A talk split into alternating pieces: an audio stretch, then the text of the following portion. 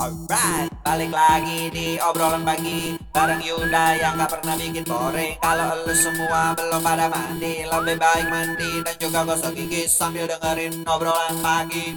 Oke, halo semuanya. Balik lagi bersama gue Yuda di acara Ngojekers. Ngobrol ojek bareng Kang Ojek. Eh enggak dong, ngobrol ngojek lagi di ngocak ngobrol acak bareng Yuda.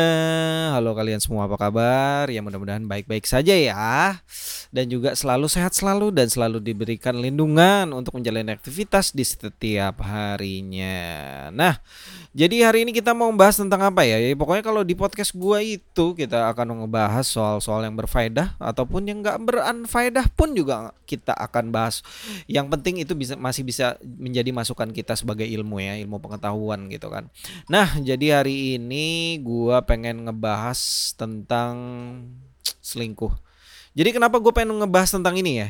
Jadi baru-baru ini rame banget ya kan kalau misalnya di sosial media itu mulai dari TikTok, Instagram, Facebook, YouTube atau sebagai sebagainya gitu berita-berita tentang selingkuh dan ini banyak uh, gosip-gosip ini di di apa ya di uh, ibaratnya dikenai oleh seperti artis, terus juga aparatur negara, terus juga anak-anak muda ya kan di kalangan anak muda ataupun di pasangan-pasangan suami istri.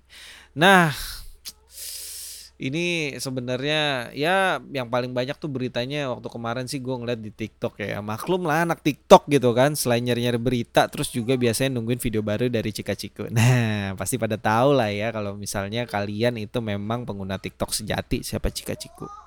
Tapi hari ini kita nggak ngebahas tentang itu tapi ini uh, gue akan ngebahas tentang yang namanya selingkuh. Oke, jadi pertama ya kita akan pengenalan dulu kenapa ini ada kata selingkuh ini. Jadi ini gue dapat sumber dari Wikipedia. Jadi selingkuh itu adalah istilah yang digunakan terkait perbuatan atau sesuatu aktivitas yang tidak jujur dan menyeleweng terhadap pasangannya. Itu bisa pacar, suami, ataupun istri. Istilah ini pada umumnya digunakan sebagai sesuatu yang melanggar kesepakatan, komitmen ya lah biasanya ya atas kesetiaan hubungan seseorang. Motivasinya biasanya itu untuk mendapatkan keuntungan yang tidak adil dan dalam situasi yang kompetitif. Jadi ya ibaratnya di sini nih motivasinya untuk mendapatkan keuntungan sesaat gitu loh. Apa yang ah gue pengen ini nih karena di pasangan gue nggak ada Nah, seperti itu. Kenapa gue bilang sekarang selingkuh itu gampang banget ya kan? Jadi gini, kalau misalnya ya maklum lah ya, gue kan kelahiran anak tahun 80-an gitu ya. Jadi dulu waktu zaman-zaman pas muda, ibaratnya ini muda ya zaman-zaman waktu gue SMA itu belum ada yang namanya kayak chatting di ya mungkin udah ada gitu ya kalau zaman dulu di MIRC tapi kan kita nggak bisa ngelihat nah kalau zaman sekarang itu sudah cukup terbuka banget ya mulai dari media-media sosial yang bergelimpangan ya contohnya kayak Instagram Facebook Twitter terus juga TikTok terus juga FM terus ya pokoknya banyak lah gitu. Mulai dari buat cecetan itu bisa WhatsApp, Telegram atau berbagainya gitu kan kalau zaman dulu tuh susah ya kan, cuman bisa ya mungkin kalian tahu lah ya yang biasa chatting di MIRC itu ya, cuman sekedar chatting tapi kita nggak bisa ngelihat ya gimana penampakannya gitu. Tapi kan kalau sekarang udah bisa ngeliat foto, terus juga udah bisa ngeliat biodata, kesukaan apa, ya kan jadi lebih mudah lah ya untuk ini. Untuk apa? Untuk ada kesempatan untuk selingkuh gitu. Nah, ini kebanyakan nih, ini banyak dihadapi oleh anak-anak muda ya kan cukup apalagi yang Eh, baru-baru uh, cinta-cinta monyet, terus juga pasangan suami istri yang baru ibaratnya apa ya memulai kehidupan rumah tangga gitu kan ngelihat di kantor ada yang demplon sedikit gitu kan wih cakep nih nah, deketin. Nah itu kebiasaan buruk gitu terus juga ada yang misalnya teman kerja atau enggak uh, mungkin bisa jadi uh, rekan kerja ya kan? Eh, teman kerja eh, beda sih teman kerja ya berarti teman satu bagian. Kalau rekan kerja itu bisa dari bagian-bagian lain atau bisa juga dari vendor-vendor luar. Nah kayak gitu. Nah biasanya ini nih aduh ya kan? Kebanyakan orang itu mencari keuntungan. Ya contohnya nih jadi ada beberapa uh, yang pernah cerita ke gua uh, kenapa orang-orang bisa kayak begitu ya. Pertama itu apalagi ya kalau yang gue tahu nih kan yang cerita cewek nih. Terus habis itu ya dia bilang karena hanya untuk kepuso- kepuasan seksual loh yang bahayanya. Jadi ibaratnya mereka nggak dapat dari pasangannya atau atau dari istrinya. Nah, akhirnya ya coba-coba nyari kesempatan di cewek-cewek lain begitu. Nah, jadi buat para cewek-cewek ya hati-hati aja gitu. Pokoknya yang yang harus dijaga ya adalah gimana kalian menjaga sebuah komitmen, kalian dalam ber ya kalau yang udah nikah berumah tangga, kalau yang pacaran ya ya pacaran lah ya. Nah, untuk eh, kenapa gua pengen ngebahas selingkuh ini karena memang waduh ini kalau misalnya dilihat dari contoh kasusnya ya ini gue mempunyai data dari eh, kasus pengadilan agama Tiga Raksa Kabupaten Tangerang. Ini gua dapat dari eh, jurnal komunikasi eh, Universitas Sultan Ageng Tirtayasa yang dibuat oleh Giola Arsirobiah.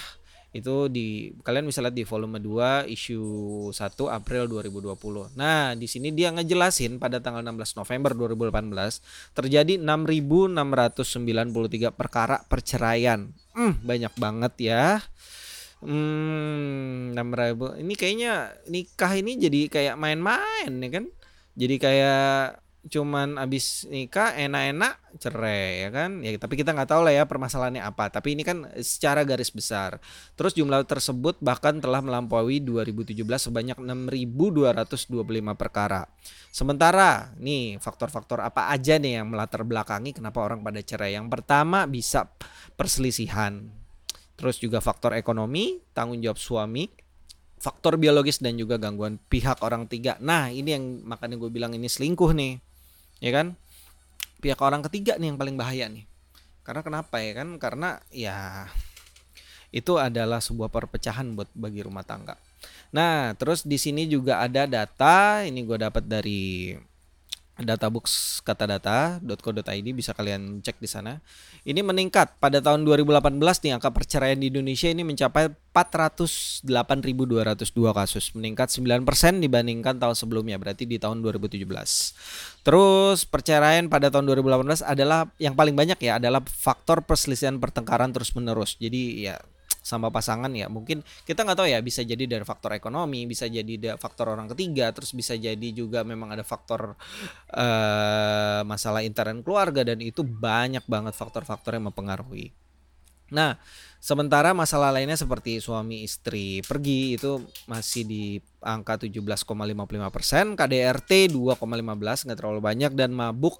Ini biasanya pasangan-pasangan yang hobi-hobi clubbing-clubbing ya kan pulang-pulang mabok mukul terus habis itu besok clubbing lagi nah ini poinnya di 0,85% gitu nah Terus ada 10 faktor nih terbesar di 2018 angka perceraian. Yang pertama itu adalah perselisihan dan pertengkaran terus-menerusnya. Itu seperti tadi bisa masalah ekonomi, bisa masalah orang ketiga, terus bisa masalah intern keluarga, bisa jadi ada permasalahan yang memang uh, secara historikal memang sudah lama dipendam gitu kan. Terus juga ini uh, ya pokoknya banyak banyak lagi lah. Terus yang nomor dua ini ada faktor ekonomi ya memang sih faktor ekonomi itu eh, istilahnya itu adalah faktor paling kuat yang mempengaruhi hubungan rumah tangga. Karena kenapa? Ya contoh nih kemarin sempat ada berita waktu pas zaman covid ya kan gara-gara suaminya tadinya enak ya maksudnya ya, ya beritanya ini banget lah gaji dia katanya gajinya di atas 80 juta rupiah gitu kan. Sempet trending juga di Twitter karena covid ya akhirnya kena bla bla bla mungkin perusahaannya ada pengurangan pengurangan gaji pengurangan karyawan akhirnya dia nggak bisa bayar cicilan mobil nggak bisa bayar cicilan rumah akhirnya tinggalin sama istrinya. Tapi itu itu juga nggak tahu ya itu berita di Twitter banyak yang waktu itu sempat trending. Terus yang ketiga, ini ada meninggalkan salah satu pihak. Ya biasanya ini adalah laki-laki yang nggak bertanggung jawab atau enggak ya perempuan yang juga tidak bertanggung jawab kepada keluarga gitu kan. Biasanya sih tapi ini kebanyakan laki nih yang main tinggal-tinggal aja habis kawin enak-enak terus tinggal. Habis kawin kayak enak-enak terus tinggal gitu kan. Ter habis itu anaknya di mana-mana ya kan? Bingung habis itu sama anaknya ini anak anak siapa nih yang pas datang kalau udah gede? Nah terus ya, kasus yang keempat itu ada KDRT yang biasa lah ya kekerasan dalam rumah tangga mabok yang tadi dibilang judi itu juga bisa menjadi faktor loh ya kan? Zina ya zina nih ini, ini zina nih. Zina sama orang lain ini pas banget ya selingkuh ya kan? Banyak yang selingkuh selingkuh pada di hotel gitu kan? Yang pada bingung punya tempat di mana terus ada poligami. Wah poligami. Tapi dikit sih ini cuman sekitar 1211 terus ada madat madat gue juga kurang tahu apa nih ada 1171 kasus terus dihukum penjara ya. Biasanya ada kasus pencurian atau kasus hukum nah terus ini fakta-fakta ini nih telah membuktikan gitu ya bahwa iya di dalam di dalam yang tadi 10 faktor perceraian ini ya selingkuh itu bisa masuk di dalam kategori seperti perselingkuhan dapat tangan terus menerus bisa jadi meninggalkan salah satu pihak terus karena ada masalah ekonomi KDRT nah ini bisa masuk di sini. Dan digudukung lagi dengan data biasanya uh, data ini gue dapat dari Jawa Pos biasanya nih 82% selingkuh itu dilakukan bersama teman dekat atau rekan kerja. Ya betul. Biasanya itu di kantor. Ya kan? Biasanya ya karena sering ketemu sering curhat ya. Awalnya minta masukan eh akhirnya pada akhirnya minta masukin. Nah itu bahaya banget. Mendingan buat kalian apalagi yang sudah berkomitmen ya, apalagi kalian yang sudah punya keluarga, lebih baik jangan yang namanya curhat-curhatan sama misalnya sama cewek terlalu deket itu buat yang laki kalau buat yang cewek jangan curhat-curhatan sama laki orang ya kan itu sangat berbahaya dan berpotensi ya berpotensi 82% itu akan apa ya istilahnya ya, akan terjadinya perselingkuhan dan itu banyak kok di kantor gue punya ke mana. Nah terus kalau misalnya kita uh, ngobrol-ngobrol uh, selingkuh nih, kenapa sih tanda-tanda perselingkuhan itu? Contohnya kayak gimana sih? Ya kan, jadi buat kalian yang pada mau tahu, ini gue juga dapat dari Wikipedia, ya kan. Wikipedia is all about uh, source you can have it gitu. Jadi di sini kalian bisa cari tahu gitu. Jadi kalau menurut Wikipedia tanda-tanda perselingkuhan itu adalah pasangan selalu menjaga perangkat elektronik yang digunakan untuk berkomunikasi seperti handphone. Ini dilakukan untuk menjaga agar Anda tidak menyentuhnya. Pasangan memberikan nama palsu untuk setiap kontak di dalamnya atau mungkin memiliki cadangan sehingga baik bagi Anda untuk membiasakan diri sering terbuka dalam hal ini. Anda bebas menyentuh memilikinya dan juga sebaliknya. Nah, biasanya ini emang benar sih. Kadang-kadang tuh eh, ada beberapa temen gue yang pernah ngasih tahu gue ya lakinya atau eh, perempuannya ini nggak tahu password suami istri ini nggak tahu gitu loh. Jadi memang rahasia-rahasian ya takutnya nanti ada WhatsApp masuk atau apa. Dan ada yang pernah juga diganti namanya misalnya nama ceweknya uh, Linda terus Suci tapi diganti jadi Mamat terus Yanto. Nah kan bingung kan. Tapi abis itu ngomongnya sayang-sayang. Hmm itu harus patut diperiksa kembali. Terus yang kedua ada pasangan bisa tampil menarik dari sebelumnya. Biasa dia tampil lebih baik tentu saya lebih menarik lebih wangi lebih rapi dan sebagainya. Tapi kalau kayak gini sih nggak juga sih ya. Kayak kadang-kadang kalau namanya kita kerja pun kita juga harus berpenampilan seperti itu. Tapi ya lebih baik kalau memang yang tadinya tidak seperti itu dan berubah seperti itu itu patut dicurigain. Ya. Terus yang ketiga ada pasangan sering membatalkan janji secara mendadak tanpa alasan jelas. Hmm.